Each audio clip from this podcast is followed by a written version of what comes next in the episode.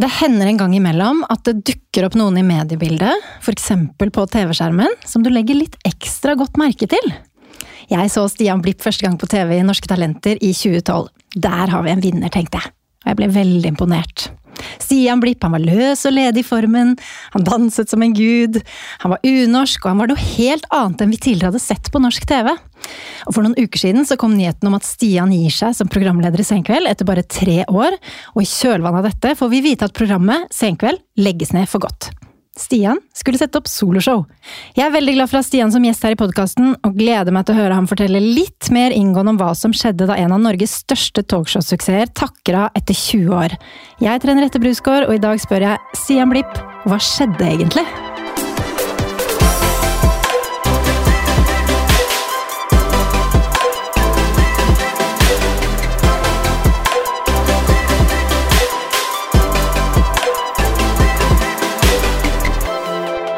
Velkommen, Stian. Tusen hjertelig. Altså, Fantastisk hyggelig å ha deg med. veldig hyggelig og eh, veldig rart å sitte så, så nærmt når man hører eh, introen om seg sjøl. Ja, hva syns du? Det er veldig smigret. Så Ja. tusen, tusen takk. Jo, vær så god. Men det var litt sånn jeg følte første gang jeg så deg. At jeg ble litt sånn blåst av banen. Og så tenkte jeg sånn, hva er det jeg har drevet med? Jeg har jo jobbet som programleder i TV, jeg òg. Og du var så mye mer sånn ledig og uten manuskort. Fordi på 2000-tallet så var vi veldig opptatt av å ha manuskort og sånn. Ja. Så du kjørte en litt ny stil. Ja, for, men jeg kom jo jeg, altså, jeg, på, det, på det tidspunktet så hadde jo ikke jeg noe sånn Jeg hadde ikke noe sånn drøm om å bli programleder. Eh, jeg altså, Spol fram altså, tre måneder da, før jeg eh, sto på Norske Talenter og spilte inn, så, så drev jo jeg eh, litt med radio, holdt på med standup. Jazz, jeg, jeg var jazzet rundt og prøvde bare å finne et sted å, å underholde, på en måte. Eh, sånn Jeg tror egentlig ikke at jeg heller tenkte at jeg skal bli programleder, men det var allikevel noe med stilen som var før.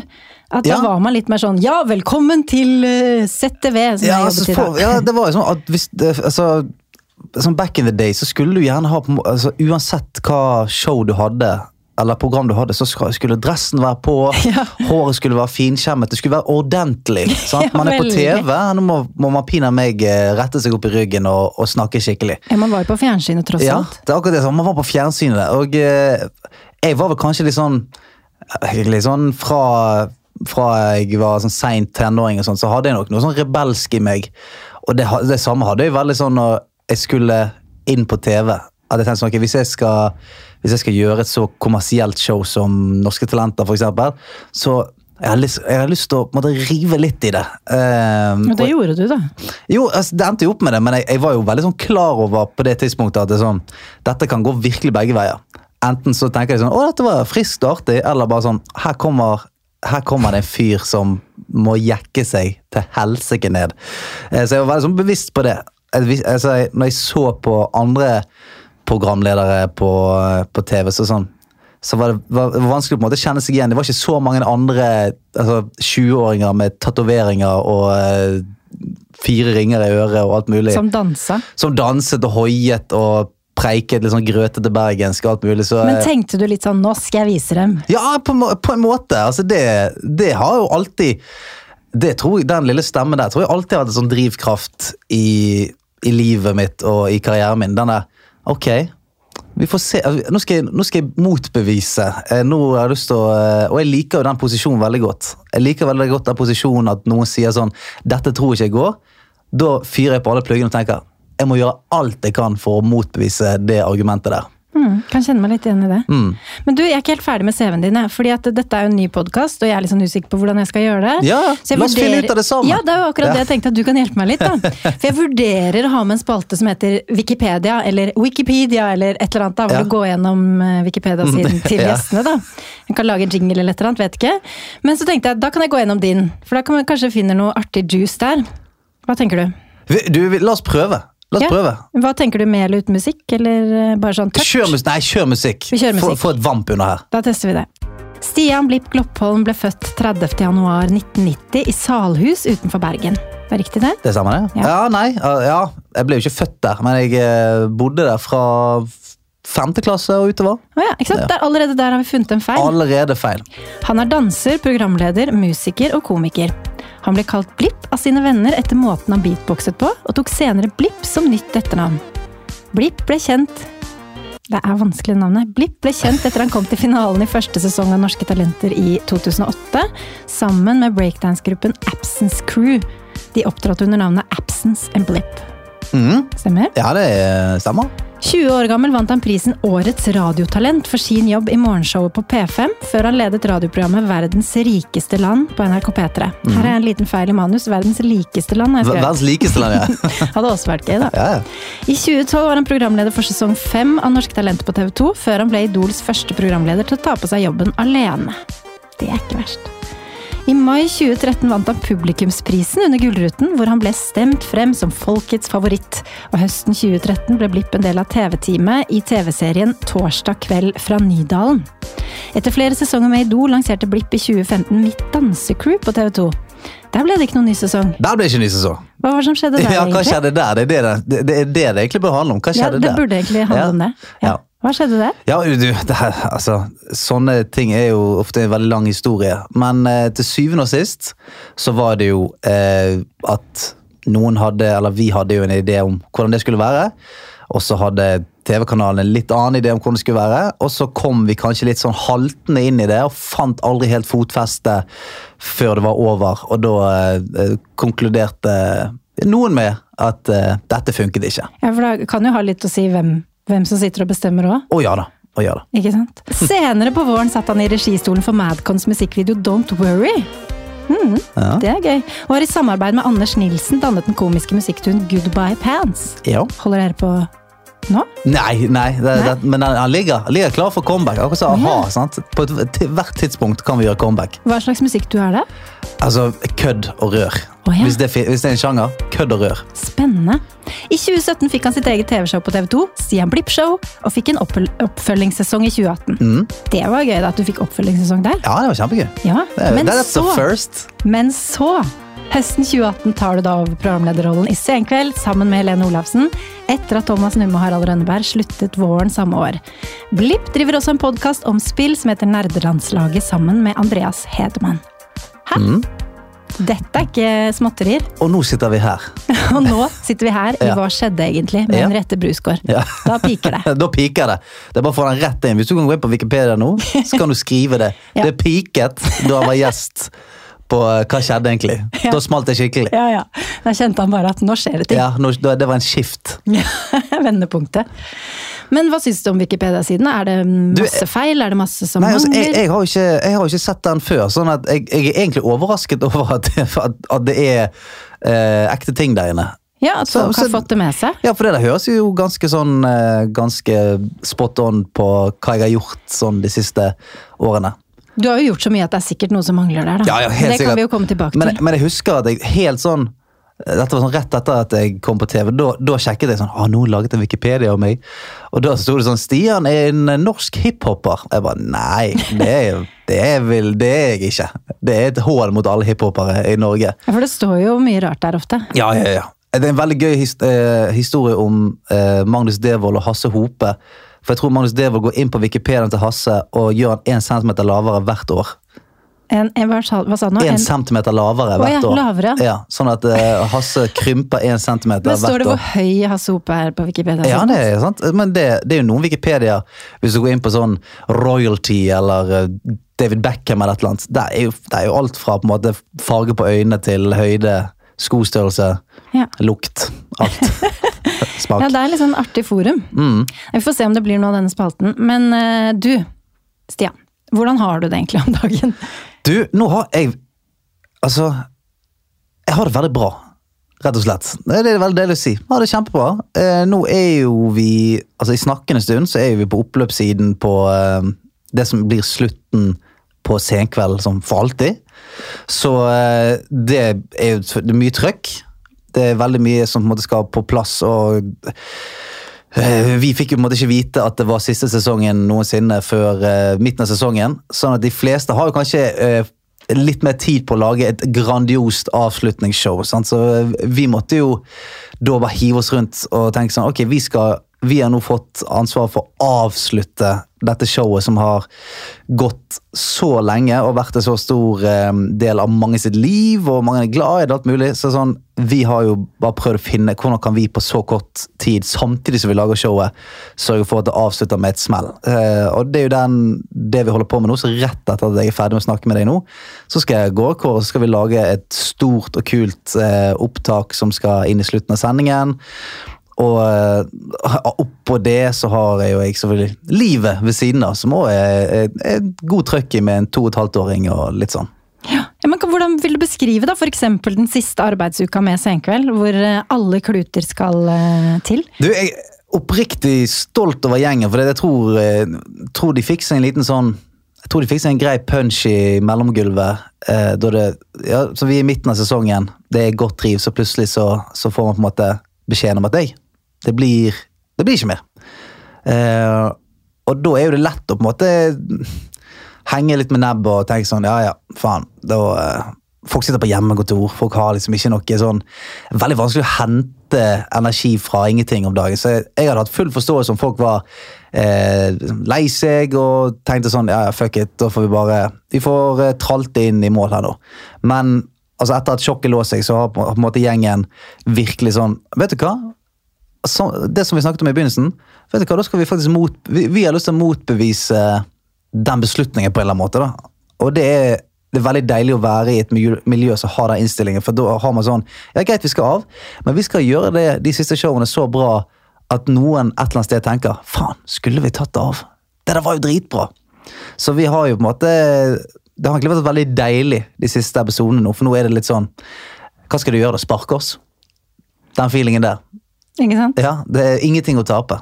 Kjenner jeg er veldig nysgjerrig på hva som egentlig skjedde eh, da Senkveld takket av etter så mange sesonger, men det kan vi snakke litt mer om senere. Ja. Men først så lurer jeg litt på eh, Du la ut på Instagram for noen uker siden at du spiste gifler og sjokomelk til lunsj. Ja. Er det noe du pleier å gjøre? Absolutt. Uh, absolutt. Nei. Uh, hva er det som er så deilig med gifler? Hva som er så deilig med gifler? Det er jo uh, Det føles nesten som et retorisk spørsmål. For gifler, det er jo jeg husker for meg, Da er det tentamen sånn på ungdomsskolen. Da er det sånn, vet du hva, Nå skal jeg kjøpe meg noe shit, nå skal jeg unne meg noe gourmet-shit her. da var det Litago, gifler. Eh, det var liksom, det var greia. Da tenkte jeg at eh, nå er jeg klar for alt. Så det der har blitt sånn her, for meg i hvert fall, eh, sånn den ultimate unne meg noe-greien. Så hvis jeg har en litt sånn, hvis, hvis dagen er litt sånn eh, tøff, ikke helt på lag da kan jeg finne meg sjøl at jeg går, i, eh, går på Rema, eller et eller annet, og så ser jeg giflene henge der. Så tenker jeg i dag er det meg og deg. I dag skal meg og deg komme oss gjennom dette. Så er det giflene skylt ned med Litago, så er jeg blid gutt igjen. Du skjønner Grunnen til at jeg hang meg litt oppi er at jeg har det på samme måten. Ja! ja. Forrige uke så hadde jeg en litt tøff uke. Og da hadde jeg tre dager på rad hvor jeg spiste to poser med gifler. tre dager på rad. Oh! Ja. Altså, Du er på et helt annet nivå. Nei, du. men Det har aldri skjedd før. Jeg fikk bare plutselig veldig for meg at nå er det Gifler-uka. Ja, men det er, jo, det er, jo eh, det er jævlig godt. Men vet du hva som skjedde? Nei? Jeg fikk nupper i hele ansiktet og nupper på halsen, og det begynte å bre seg sånn rødt uh, utslett. På, på, grunn av giflene, tror du? Eller på grunn av den tøffe uken? Jeg tror det var på grunn av giflene, for ja, det var så veldig før og etter. Og ja. idet jeg sluttet å spise, så går det over en ja, ja, altså, Seks pakker med gifler sånn på, eh, på, tre dager. Det høres jo tøft Det høres jo ut som en utfordring. på en Hvis måte. man har sett de giflene, som er sånne små kanelboller, ferdiglaget, så er det nok Jeg, jeg tror ikke det er rent mel i posen. Det, nei, det er ikke rent melposen. Altså, det var en som uh, kommenterte på det bildet der jeg knuste med gifla. om at sånn uh, du kan ha du kan, du kan sette, Litt sånn som McDonald's-mat. Du kan sitte en giffel på bordet, og den vil ikke forandre seg på et par måneder. Den, ligger, den ligger og skinner på bordet ditt i tre måneder. Og det er jo veldig sjelden et veldig godt tegn. Eh, når noe er uaffisert av tidens tann på den måten der. Så jeg tror at hvis du hadde bare levd på gifler en måned, så hadde det gått ganske dårlig? Jeg tror du hadde dauet. Ja, det tror jeg. Ja, ja. Altså, la, oss ikke, la oss ikke skrite giflene helt opp i skyene her. Altså, Du hadde dauet om du bare spiste gifler. Det var jo en gang en som lagde en dokumentar om at han kun spiste Eller hva var det han gjorde? Ja, kun jo, spiste McDonald's? Yes. Uh, Supersize Me het den. Ja, stemmer det. Gjorde et eksperiment. Han skulle spise McDonald's til frokost, lunsj middag og kvelds, tror jeg. I hvert fall hver dag i 30 dager. Mm. Med legeoppfølging. da. Og den legeoppfølgingen eh, viste jo ganske kjapt at eh, jeg tror ikke dette er så bra. Nei. Rett og slett. Du får ikke i deg eh, eh prima nutrients her. Nei, du gjør ikke det, altså. Men du, Stian. Ja. La oss skru tiden tilbake til 90-tallet i Bergen. Hva slags gutt var du som liten? Jeg var en eh, Jeg var egentlig en eh, litt sånn puslete eh, Engstelig, sånn halvredd gutt, tror jeg. Hva? Ja, ja. Nå ble jeg veldig overrasket. ja, nei, altså Virkelig, altså. Så det var egentlig Altså Jeg var fyren som Jeg var, jeg var tankefull, jeg var jeg klatret aldri, jeg knakk aldri noe da jeg var eh, liten gutt. For jeg var sånn Jeg skal, jeg skal ikke klatre i trær. Oi, denne slang Vi kalte det slangdisse. Jeg vet ikke hva dere kaller det her borte. Sånn her eh, trepinne med tau festet i, utfor et stup et eller annet sted. Ja, En Ja. slags sånn huske liane, Ja, eller ja. hva du vil. Tarzan-aktig Ja, ting. så det var jo sånn I guttegjengen så var det folk slengte seg utfor der og var helt bajas. Jeg sto litt på siden og heiet, liksom. Jeg var ganske, ganske engstelig type, egentlig. Men, eh, men som sagt, veldig tankefull. Begynte liksom allerede ganske sånn tidlig alder og trives egentlig veldig godt i mitt eget selskap. Skrev mye, tegnet mye, eh, leste mye. Så jeg, ja, jeg, jeg, jeg kunne finne liksom mye eh, Finne mye glede i å være bare meg sjøl. Hvor tidlig begynte du å danse, da? Dansing har altså det var jo aldri noe som jeg på en måte bestemte for meg for at nå skal jeg gå på dansing. eller, eller noe sånt, Men jeg, altså, jeg husker fra første gang det var mulig å gå på en sånn ungdomsklubb eh, Hvor gammel kan man ha vært da? Eh, 13 år, kanskje? 12-13? Så synes jeg altså, jeg var aldri noe redd for å danse. Altså, eh, jeg, Ja, jeg var en sånn puslete, eh, engstelig type, men av en eller annen grunn, når det kom til måte det der å, å på en måte stå i det, så var jeg av en eller annen grunn sånn veldig trygg i meg sjøl allerede da. Sånn at når vi var på ungdomsklubben i en alder av 12-13, så var det dansekonkurranser. Ja, ja, jeg var der først ut på gulvet. Når freestyler med Bumfunk MCs kom på, da altså, jeg, hadde ikke, jeg visste ikke hvordan jeg skulle danse, men jeg slengte nå bare kroppen min rundt omkring eh, til rytmen. Så jeg tror på en måte det gjorde at jeg ble glad i å danse, og til slutt liksom, relativt ok til å danse. Var jo bare Jeg var ikke noe redd for å bare prøve, og hadde ikke noe å si om det var fullt dansegulv eller alt mulig. Jeg gikk all in, rett ned på gulvet, opp på hodet, falt på ryggen. Helt bajas. Um, Så gøy. Ja. Ble du vant til at voksne kommenterte litt sånn over hodet på deg? Han der, ja. Der har vi en liten eh, vinner, som jeg sa Ja, nei, innledningsvis. du- Eller der har vi et skikkelig talent. Skal bli spennende å se hva det skal bli av han. Nei, det var, det var det ikke mye snakk om, um, egentlig. Fordi at uh, jeg jeg var en sånn her vimsete, snodig type. Jeg tror det var sånn vanskelig for has på meg. fordi at ja, jeg hadde en veldig sånn nerdete, innadvendt side, samtidig som jeg var eh, veldig veldig god i sport. Altså, Jeg var eh, veldig flink i fotball, veldig flink i friidrett. Eh, alle, alle andre sånne ting som på en måte holdt meg eh, samtidig i en gjeng som var sånn Ja, de flinke på fotballaget, eller Så jeg hadde på en måte jeg har en litt sånn spaltet personlighet. Jeg hadde masse venner som vi var glad i Pokémon-kort og PlayStation og Gameboy og alt det der. Og den andre siden av vennegjengen min, der var det på en måte mer sånn ja, sportsidiotgjengen. Sånn at det var fotballgutter og litt mer eh, Litt mer sånn hardcore eh, stemning der. Så jeg tror aldri, altså jeg tror de fleste, altså både foreldre og andre venner, var sånn Jeg vet da faen hva det skal bli av han fyren der. på en måte. Han er litt sånn all over the place. Eh, var ikke noe sånn, så Han kom mye for seint på skolen. og var mye, altså, jeg, jeg var en sånn fyr som ikke hadde ting helt sånn på stell, egentlig. Så jeg husker med læreren min Hvordan var du med jenter og sånn? Jeg var veldig glad i jenter. Men eh, igjen, da. Jeg var jo en keitete type, men jeg, jeg, jeg tror den Du var litt populær. Jeg kan ikke tenke meg noe annet. Jo, men jeg var nok kanskje det, men jeg tror jeg kom liksom litt av den der eh, Altså, Føler du deg litt sånn kledelig beskjeden nå? ja, nei, men jeg prøver å tenke litt på det, for jeg var jo Jeg var veldig sånn trygg i meg sjøl veldig tidlig, og jeg skjønner ikke hvor det kommer fra, for jeg hadde på ikke sånn alle mulige grunner til å være det, men jeg tror det gjorde at jeg fikk god kontakt med mange jenter. Fordi jeg var litt klovnete, og jeg var relativt flink i, i noen sporter og sånt, men jeg var, jeg var jo en kvisete fyr eh, som gikk rundt med Manchester United-drakt og hadde pissegult bleket hår og eh, et hakk i øyenbrynet. Altså, det var, det var ikke, ti, var ikke, var ikke, en, var ikke en looker. Men altså Eh, Luke Perry. Har også hakk i øyenbrynet. ja, sant, det ser trenger ikke å være noe hemsko. Nei, det trenger ikke å være, men eh, altså, hadde du sett sånn eh, skolebilde av meg i 8., 9., 10. klasse, så hadde du ikke tenkt sånn «Rau, han, der, han der blir bra. Eh, du hadde tenkt sånn Hva faen er det som skjer her? Men du, du fikk navnet Blipp av noen venner av deg pga. måten du beatboxet på. I hvert fall sto det det på Wikipedia. Ja, det er jo, eh, det er jo til det sant. For at jeg, eh, jeg husker i åttende klasse, da vi begynte på ungdomsskolen, så eh, på 90-tallet mange stjerner. Veldig Ja. mange da Og eh, veldig ofte sånn når du går på ungdomsskole, sånn, så er du, hvis, du, sant, hvis, du Henriette, hvis det er mange Henrietter, så er det der Henriette T, Henriette B Henriette B. Ja, sant? Og eh, jeg, Da het jo jeg på en måte Stian Gloppholm, og Stian G allerede opptatt. Det var jeg sett Stian Grimstad. Og da var det sånn eh, Husker jeg hadde sånn eh, eh, Det var en sånn, en sånn du skulle ha et foredrag, ikke et foredrag, men sånn framføring for klassen om noe, sånn, noe du likte.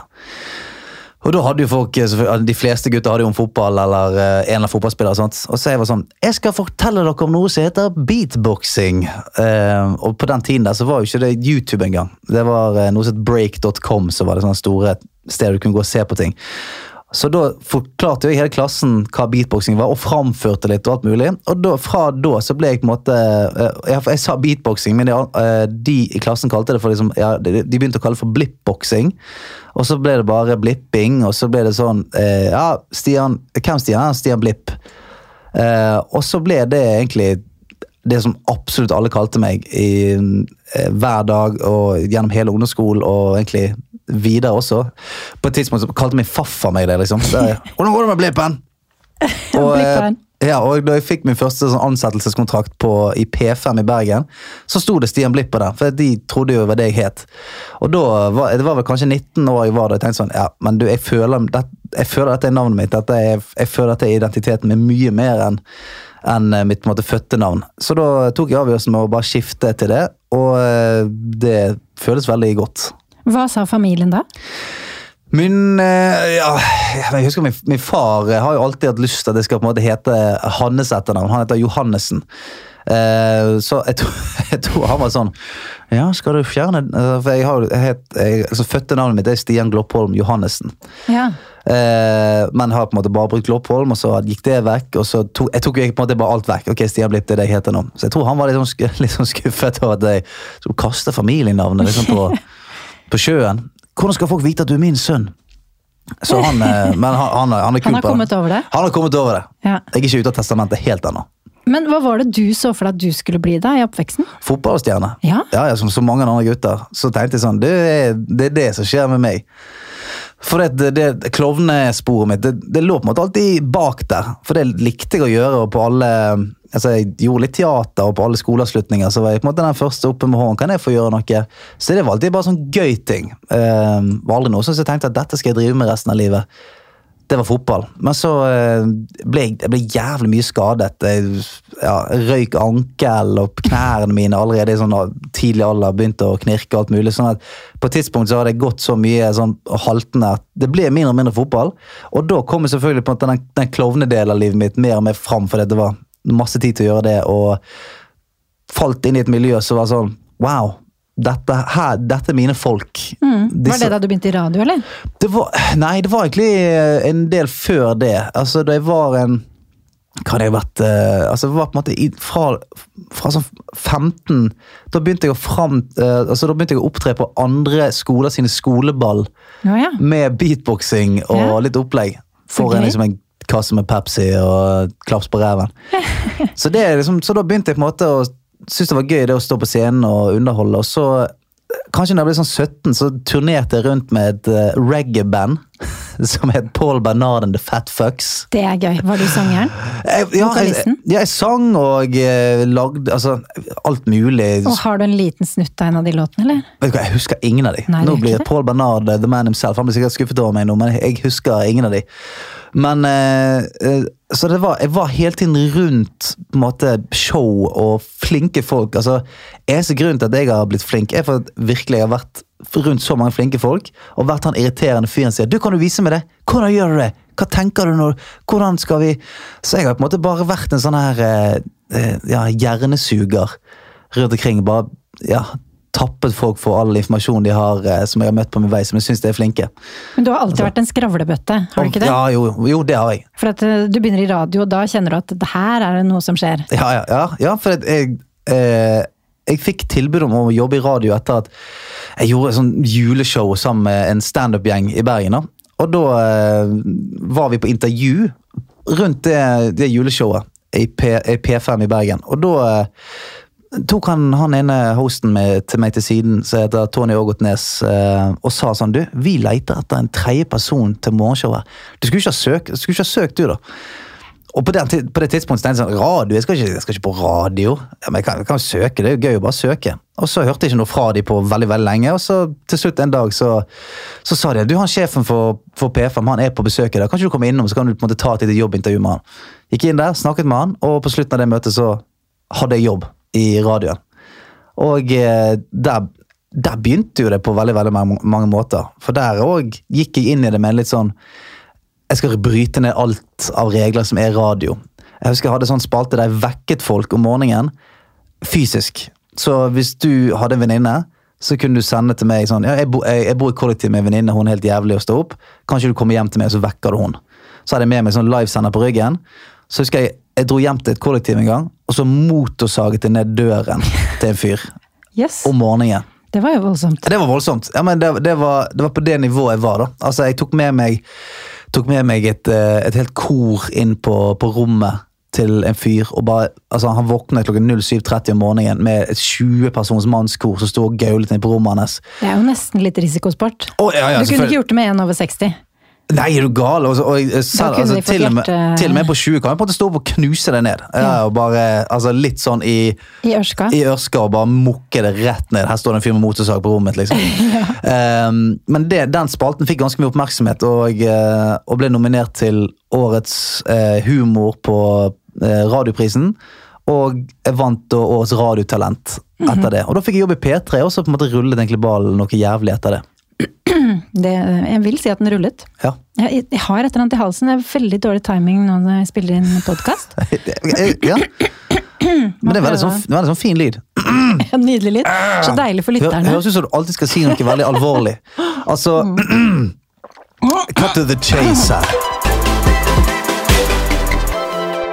Stian, jeg har en idé eller en teori om at du er en loner. Eh, At du er god til å samarbeide med folk, for all del, men jeg tror du liker godt å ha det på din måte. Hva tenker du om den teorien? Det er jo en, eh, er jo en teori som jeg selvfølgelig har eh, leflet med sjøl, og som, er, som er kanskje er litt sånn tung å akseptere. For det er, jo det er jo ingen som har lyst til å være en loner. Absolutt ikke.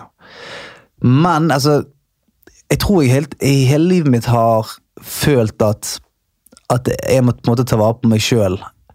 Som er en sånn veldig teit ting, for man drar det med seg inn i, i voksenlivet. Hvor man egentlig burde, burde tenke sånn Du, hei, det, nå er ikke, det, er ikke den, det er ikke den tiden lenger nå. Kan, nå, det, nå kan du faktisk la folk få lov til å være med og, og hjelpe deg, og folk vil, ditt, folk vil ditt beste. Mens den, den lille sånn Det lille instinktet der ligger kanskje i meg at denne, hvis noe skal gjøres, så må du gjøre det sjøl. hei, det er ingen som det er ingen som kommer og hjelper deg her hvis dette ikke går bra, så du må bare sørge for å gjøre så mye som mulig sjøl. Og det er, altså, det er jo en styrke på noen områder. Man får til mye sjøl, og man, måte, man blir veldig driftig. Men på den andre måten så er det helt jævlig, fordi at eh, man, er, man er vanskelig å Man er kanskje tidvis vanskelig å jobbe med, tipper jeg. Eh, det må du spørre mine kolleger om, men det tipper jeg. Eh, At det sikkert er vanskelig å jobbe med noen ganger. Jeg har ikke snakket med dem. Jeg Nei. vurderte å ta en sånn researchprat, Ja. men eh, jeg fikk ikke tak i hun jeg ringte, så da Da Så jeg vet ingen ingen- kommentar, hadde Så jeg vet sagt. ingenting om det. Nei. For du så på meg litt sånn Ja, ja, hva har de sagt? Hva har de sagt om meg? Men det er jeg veldig sånn åpen på. Og så er det ting som jeg er bevisst på og hele tiden prøver å bli bedre på. At det er den der Være tilfreds med at du, de man jobber med, de er De, de har lyst de, de vil deg vel, på en måte. Men, Men eh, den driven gjør jo også at det blir bra til slutt, da. Når du på en måte hele tiden Selvfølgelig, men det er jo et eller annet med det at når du jobber i team, så vil jo en sånn, kanskje, kanskje en sånn person som meg framstå som et uromoment. Eh, som en som ikke er komfortabel med at, eh, at det er fred. Altså, jeg, for jeg liker jo alltid å tenke sånn kan man liksom Må det være sånn som dette her? Kan Vi kan godt jobbe sammen en gang. Ja, Mm, jeg, jeg er så veldig sånn. ja ok, så det, dette blir jo the immovable object som møter the unstoppable force, på en måte. Ja, for jeg skjønner ikke hvorfor skal det hele tiden stoppe opp, hvorfor skal man akseptere at sånn skal det være? Nei, men det er jo for det er det er jo Jeg skjønner jo at det er jo litt sånn Det handler jo om litt realisme oppi det hele òg, når man Ja. skal jo lage ting. Ja, altså, Få det gjort. Ja, og så handler det om at vi er altså, altså Personlighetstypene våre er jo De er jo veldig satt. sant? Noen, noen ønsker stabilitet, noen ønsker at Og nå har vi noe som funker. Fy faen, så deilig. Det er fint. Det er deilig å kjenne at noe funker. Og det er jo et poeng i det. Ja, er du gal? Og så har du noen sånn som meg, som hele tiden har den der jævla uroen i seg og tenker sånn Ok, dette er kult, men klarer vi, kan vi gjøre dette til noe enda mer? Kan vi Ok, dette funket, men la oss ikke gjøre det flere ganger. La oss ligge det på is, og så venter vi før vi tar det inn igjen. Eh, altså, hele tiden søke den der eh, Søke usikkerhet, søke eh, det farlige. Det er jo eh, Altså, jeg tror en sånn person trenger veldig mange bedrifter eller redaksjoner. og alt, De trenger den, men samtidig som de er jævlig vanskelig å jobbe med. For de, de representerer egentlig alt man ikke vil ha. Som er akkurat det. Det er ingen som vil ha usikkerhet inn. Det er ingen som vil ha en som hele tiden banker på og maser på og, og holder på og styrer. Og kan, vi gjøre, kan vi kaste helt det vekk? Kan vi få inn en ny en? Kan vi gjøre dette her? Eh, mens allikevel så tror jeg at man må ha en sånn person for at det skal skje noe som, som helst, på en måte. For noen ganger så har man jo mest lyst til å komme på jobb og bare gjøre det man skal, og så ha Ja. fredagspilsen, og så gå hjem, og så er det fint. Ja, og det har jeg 100% forståelse for. 100 forståelse for. Og det er, og det er rett og slett eh, det, det, det koker rett og slett ned til Jeg tror ikke det har noe sånn hvordan du er med jobben din, eller på en måte hvordan du er som menneske. Men dette er jo bare, dette er personlighetstrekk. Men så handler det også sikkert litt om at du skal jo fronte det. Og da har du en eller annen driv, for det, du vet at det er du som skal stå der og få dritten, holdt jeg på jo, å si. det er jo på en måte det som sitter alt dette her på anabole steroider. At sånn, til syvende og sist så er jo det meg som må ja, står der, og alle som ser på det, vil jo på en måte tilegne det som skjer i showet, til meg eller Helene. At ja, dette har jo de laget, på en måte. Eh, de har invitert de gjestene. De har, det er i hvert fall den illusjonen som som vi selvfølgelig lager, og det er jo den illusjonen som folk plukker opp på, at vi, vi lager alt dette programmet her. Men sant, til, til syvende og sist så er jo det er vi i stor grad eh, leverere. Og så er det jo dere som også får tilbakemeldingene i stor grad Ja, ja, ja, ja. seere og folk på gata, som kanskje viser dere hvor mye det betyr for dem, og hva slags ansvar dere føler dere har, kanskje, for å levere noe bra. Ja, og det motsatte. Vi får jo høre det hvis det er drit. Og sånt. Da er det, Det sånn, hva er det dere holder på med? Uh, hvorfor, hvorfor stiller du de spørsmålene? Hvorfor Det innslaget der var jo helt på trynet. Du må skjerpe deg. Vi får jo høre de òg. Uh, så det er jo putter jo selvfølgelig alt uh, i, i litt sånn Ja. Det gjør jo at man kanskje blir enda mer gal på det, rett og slett. Men det er jo derfor jeg alltid har syntes det har- vært litt sånn vanskelig, fordi at Nettopp av det at jeg tenker sånn Jo, men hvis det går til helvete, dette her, så er jo jeg er jo den som må ta den kulen på mange måter. Altså, kanskje, kanskje alle vi i redaksjonen vi må på en måte ta en kule overfor TV-kanal, for eksempel, fordi de kjefter på oss hvis det går dårlig. Mens eh, meg og Helene må på en måte ta kulen for de 400 000 som ser på.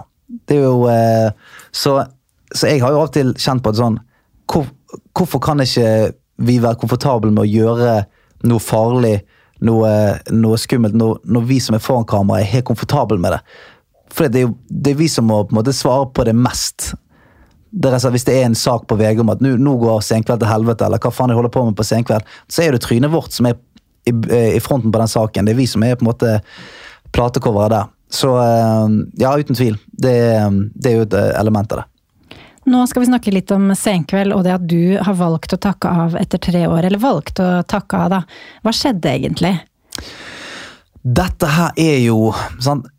Stor del av det handler jo selvfølgelig om, om meg og hvordan jeg er satt sammen. Det er jo, ja, ja, her er jo det altså Er jævla tungt å på en måte være en loner. Nei, det var kanskje litt feil Nei, men- ord nei, men å bruke, men, nei, men det er- det er jo på Einstøingen Nei, det er bare tuller. Ja.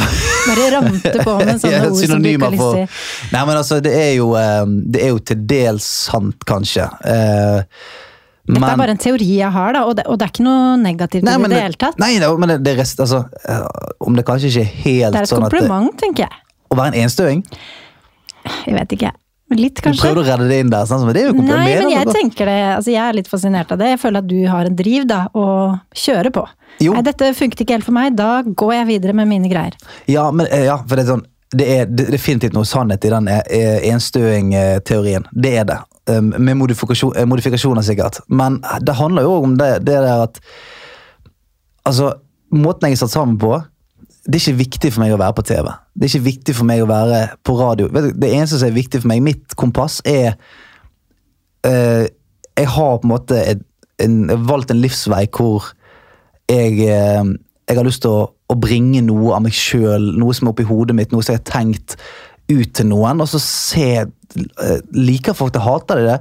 Uh, prøver å på en måte skape. Det er egentlig det som er hele min, eh, min pas- passion. Det er å skape. Lage noe, slippe det fri, se hvordan det går, og så lage noe nytt igjen, på en måte. Og eh, i, i hele Senkveld-prosessen så har det vel kanskje vært litt mindre av det. Eh, av og til ganske sånn fraværende av det. Det der at det handler egentlig om å finne det handler mer om å på en måte løse en kode hver uke. Det er sånn Ok, vi skal treffe på vi, må, vi må ha noen gjester som alle kjenner. Vi kan ikke stille spørsmål som blir liksom for, for vanskelig for folk å henge med på. Ja, vi kan ha det, men vi, vi kan ikke gjøre det på den måten. Eh, ja, vi kan gjøre det innslaget, men det kan ikke være sånn. Som på en måte blir vanskelig i lengden eh, for, for meg og den måten jeg er satt sammen på. For at da når jeg slipper eh, fri en ting, da, som jeg, jeg kaller det, viser til folket, så er jo det en, en visshet fra min side om at ja, men dette er ikke helt sånn som Dette var egentlig ikke det jeg ville vise, men jeg må på en måte si det. Jeg må si at her er noe som jeg har tenkt på og laget, men så er det egentlig ikke det. Og um, jeg tror for sånn kreative mennesker generelt, så er det der Det, det, er noe som, det, det river, da. Og det er noe som på en måte sånn spikker litt av på deg hele tiden. Det der å føle at man er inne i eh, litt trang drakt. Og ehm, Så, så det, det at jeg sluttet, det har jo bare Det har til syvende og sist kun med meg sjøl å gjøre. At jeg måtte innse at dette kan jeg ikke gjøre, for da, da klikker det for meg. Det, jeg, jeg må ha Jeg må ha muligheten til å, å, å gjøre eh, friere ting. Altså, jeg, jeg tar heller på en måte og spiller et show for 1000 stykker der jeg gjør akkurat det jeg har lyst til å gjøre, enn å, å spille for 450 000 med ting som, jeg ikke, ikke eh, som, som ikke er helt det jeg har lyst til å gjøre, på en måte.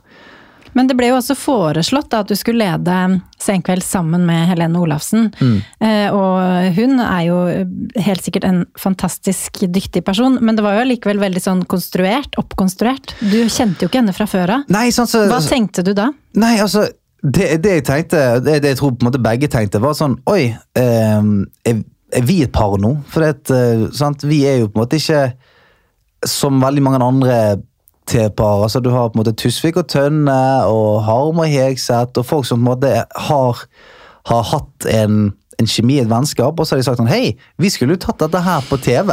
Mm, at det er et naturlig, en naturlig sammensetning, da. Ja, så, så vi begynte jo Vi begynte jo i andre enden. Så var det sånn Dere skal gjøre ting på TV.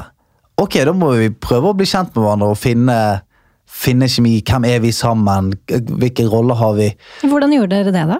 Nei, det, det var jo veldig merkelig, for det føltes jo nesten som en sånn Du vet når du ser på filmer, en sånn treningsmontasje. Det er sånn Det er OL om to uker, og så ser du på en måte en, en fyr bokse på en boksesekk og løpe opp trapper og alt mulig. Yeah. Det var på en måte det, bare i sånn finne kjemien-setting. Så det var jo var det sånn, Liker du rødvin eller hvitvin? Ja, så måtte dere det- gjennom alle spørsmålene. Ja, men det var jo nesten litt sånn. Sant? Det var jo eh, Det var jo en, en sånn speed-dating over to måneder. Sånn, hvordan er, er, du Liker du å stå på snowboard? Nei, jeg hater det. Og, sånn, finne ut hvor ligger friksjon, hvor ligger alt dette her. Sant? Så, eh, Syns jo dere har fått det til veldig bra, da. du, altså, all honnør til Helene som på en måte fikk vite det veldig kort tid i forkant av at sånn Du, du skal være programleder! Ble hevet inn i den tørketrommel som det er å være på et kommersielt talkshow. Eh, og har på en måte kommet seg levende ut av det. Det er, Ja ja, herlighet. Det er ganske, ganske voldsomt eh, bra gjort. For at det der er det der er en sånn umenneskelig oppgave eh, til Det er det for alle. Ja, Enten du hadde hatt eh, 30 års fartstid eller ingen fartstid, tror jeg. Ja, uten tvil. Og så er det jo det at uh, Senkveld har jo en historie. Det har det har noe gravitas. En, en, det er et flaggskip, en merkevare som en folk er veldig glad i, og som måte ja, folk har et eierskap til. Og selvfølgelig kanal har et eierskap til. Dette er vår baby.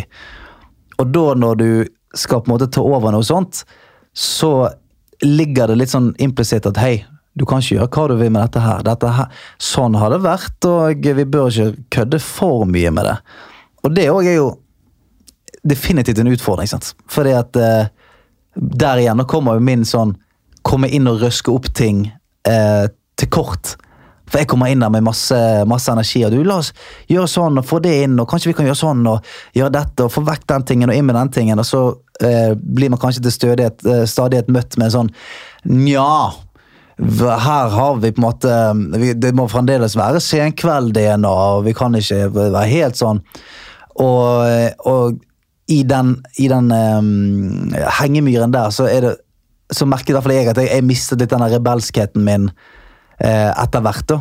Og det skremte meg. Altså, Det skremte meg at jeg på en måte hadde blitt Ja, ja, ok, nei, men det er greit. Og så der hvor jeg kanskje i begynnelsen av sesongen reiste meg fra stolen og sa nei, det kan ikke være sånn, og eh, jeg, jeg går ut herfra. Så Ja, hvor, du, hvor du hadde sånne flammende innlegg hvor du ville frelse redaksjonen. Ja, altså, I begynnelsen så var det kanskje sånn, og, og eh, så etter hvert så kommer man kanskje litt mer sånn ah, ja, ok, nei, men kult, da gjør vi det. Ja, det er greit. Og, og så til slutt så befinner man seg i, i kanskje et modus som er sånn å ja, men nå, nå bringer ikke jeg noe til bordet lenger.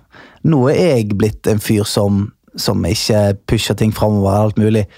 Og det, det var på en måte der jeg ikke ville være. Jeg følte at nå, Hvis jeg ikke river meg sjøl ut fra dette her og hiver meg ut i, eh, i uvissheten igjen, så tror jeg kanskje jeg mister litt av, av gnisten min og mister litt av det som, som jeg føler er meg. da, Men du, måter. apropos å miste gnisten.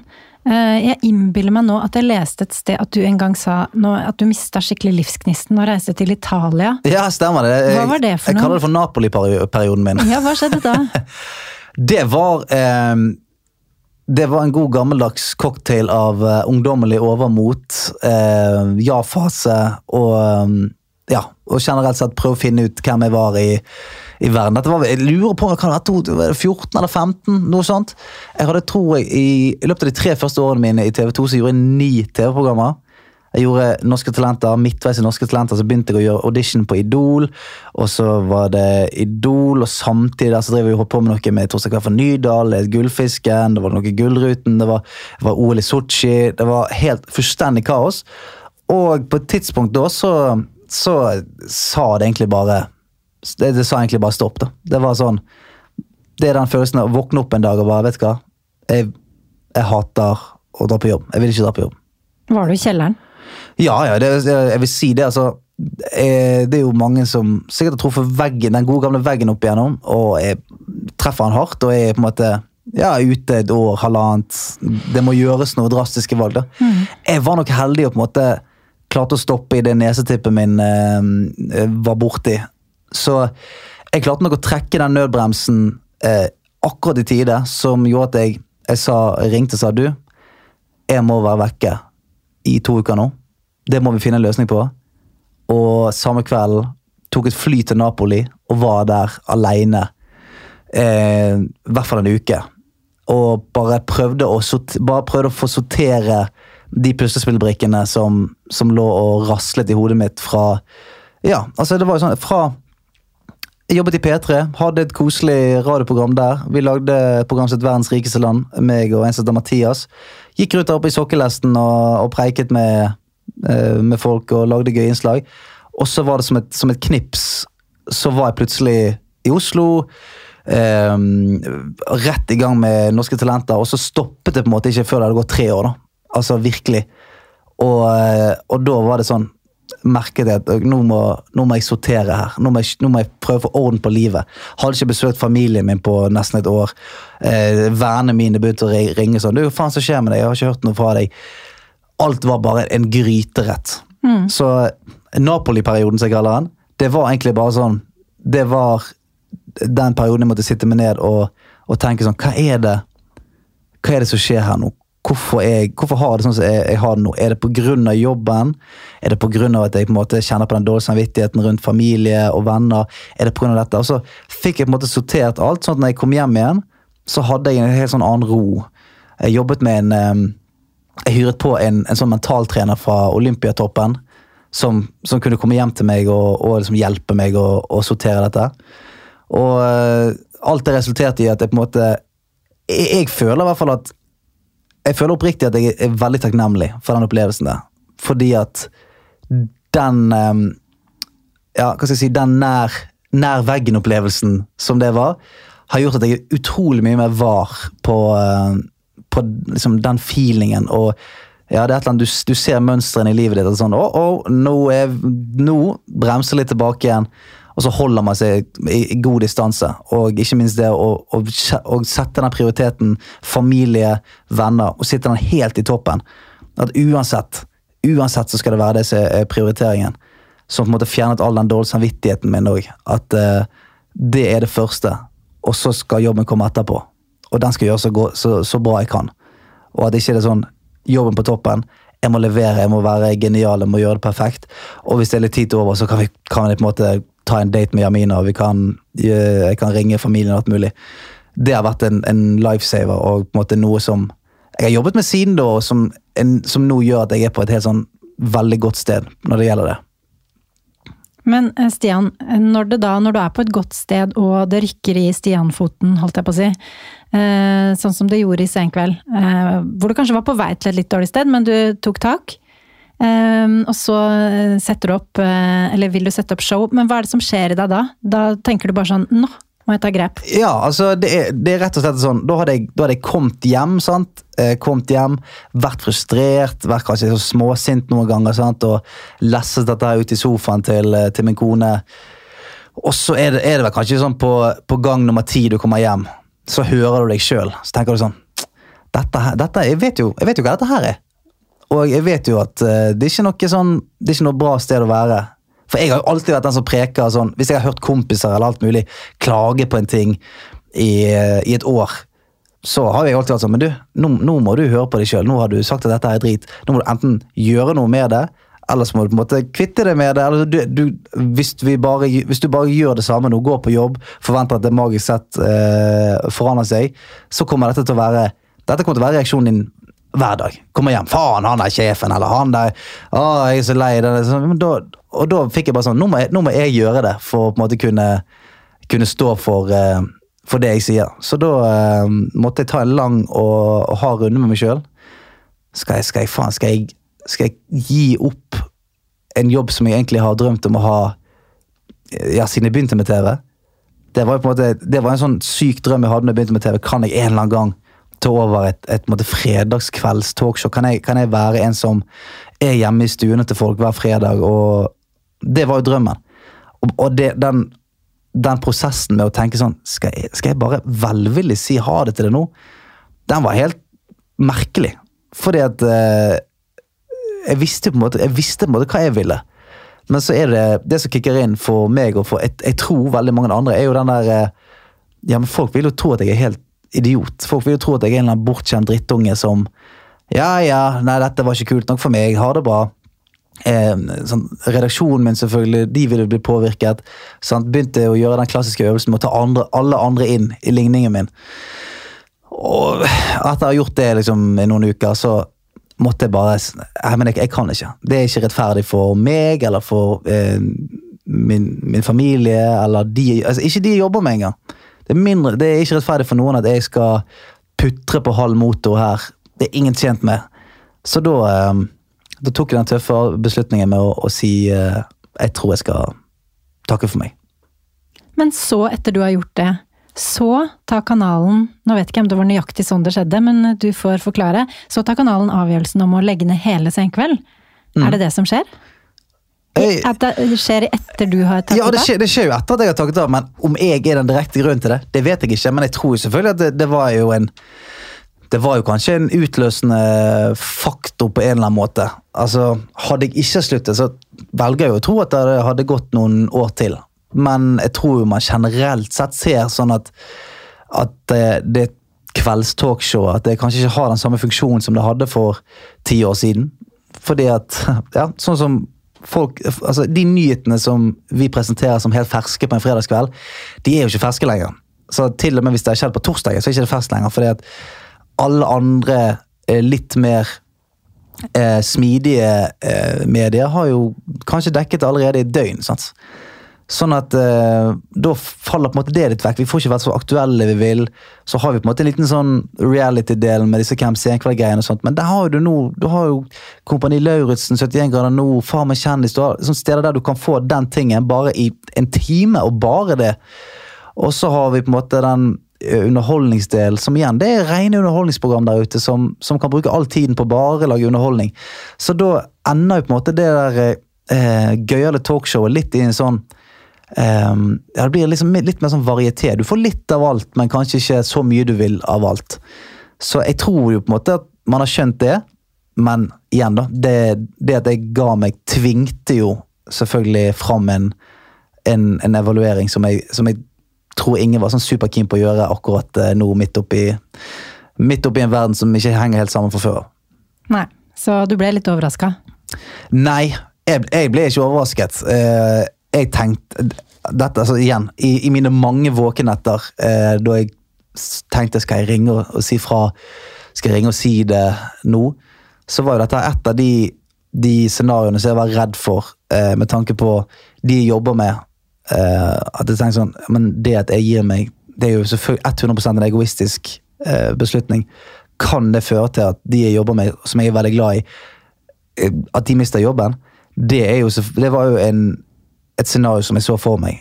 Og tenkte sånn, det er ikke helt utenkelig, men jeg håper jo ikke det skjer. Men så skjedde det, da. Men en av grunnene til at du da gir deg, er fordi du skal sette opp soloshow. Ja. Cirque the Blip ja. i Bergen til høsten. Ja, det begynner i Bergen, og så kommer det til Oslo på nyttår. Og så spiller vi det til folk er, er drita lei trynet mitt. Og du har da fått med deg ditt store idol Dagfinn Lyngbø Yes! på regi. Yes. Hvordan tok du opp den tråden? Hvordan fikk du han med? Du, dette her var jo sånn eh, god gammeldags Hvis ikke jeg spør, så kommer jeg til å angre. Eh, for det var jo sånn, ok, drømmen min altså, Dagfinn har jo vært eh, Han var jo kanskje den personen som gjorde at jeg ble interessert i humor fra scenen da jeg var kid. Husker han hadde DVD som var standup-festival i 2006. Eh, som jeg så mange standup-komikere på. Som gjorde at jeg sånn eh, ble veldig interessert, og så begynte jeg å se DVD-ene til Dagfinn. Så tenkte jeg, faen, der er det en bergenser som snakker sånn som meg, som er megavittig.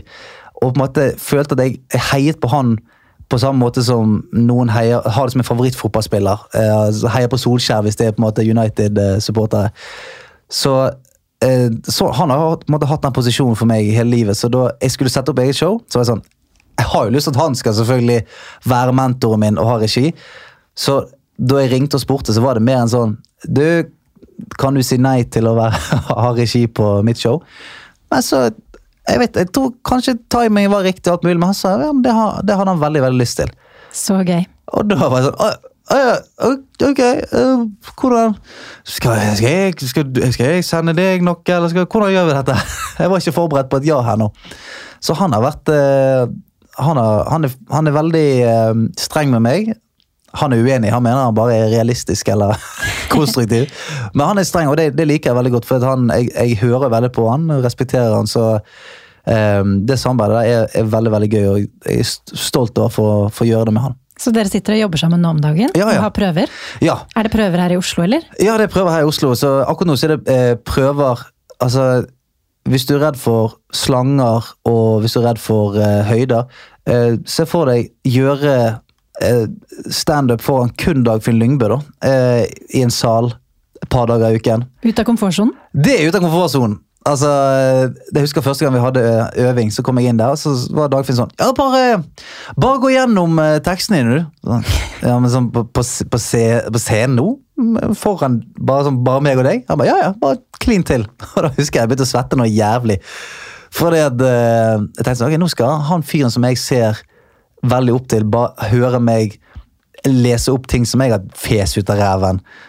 Så, eh, men men nå, nå begynner jeg å bli vant til det. Men eh, det var, var rimelig intenst. Men i det øyeblikket der, da føler du at du pusher deg litt fremover. Da føler du at det skjer ting. Ja, da, for da, da kjenner jeg jo på en følelse som ikke er kjent på, på, på mange år, som er den der Huh, hell, altså den der eh, Nå skal jeg hoppe ut av et fly uten fallskjerm-stemningen.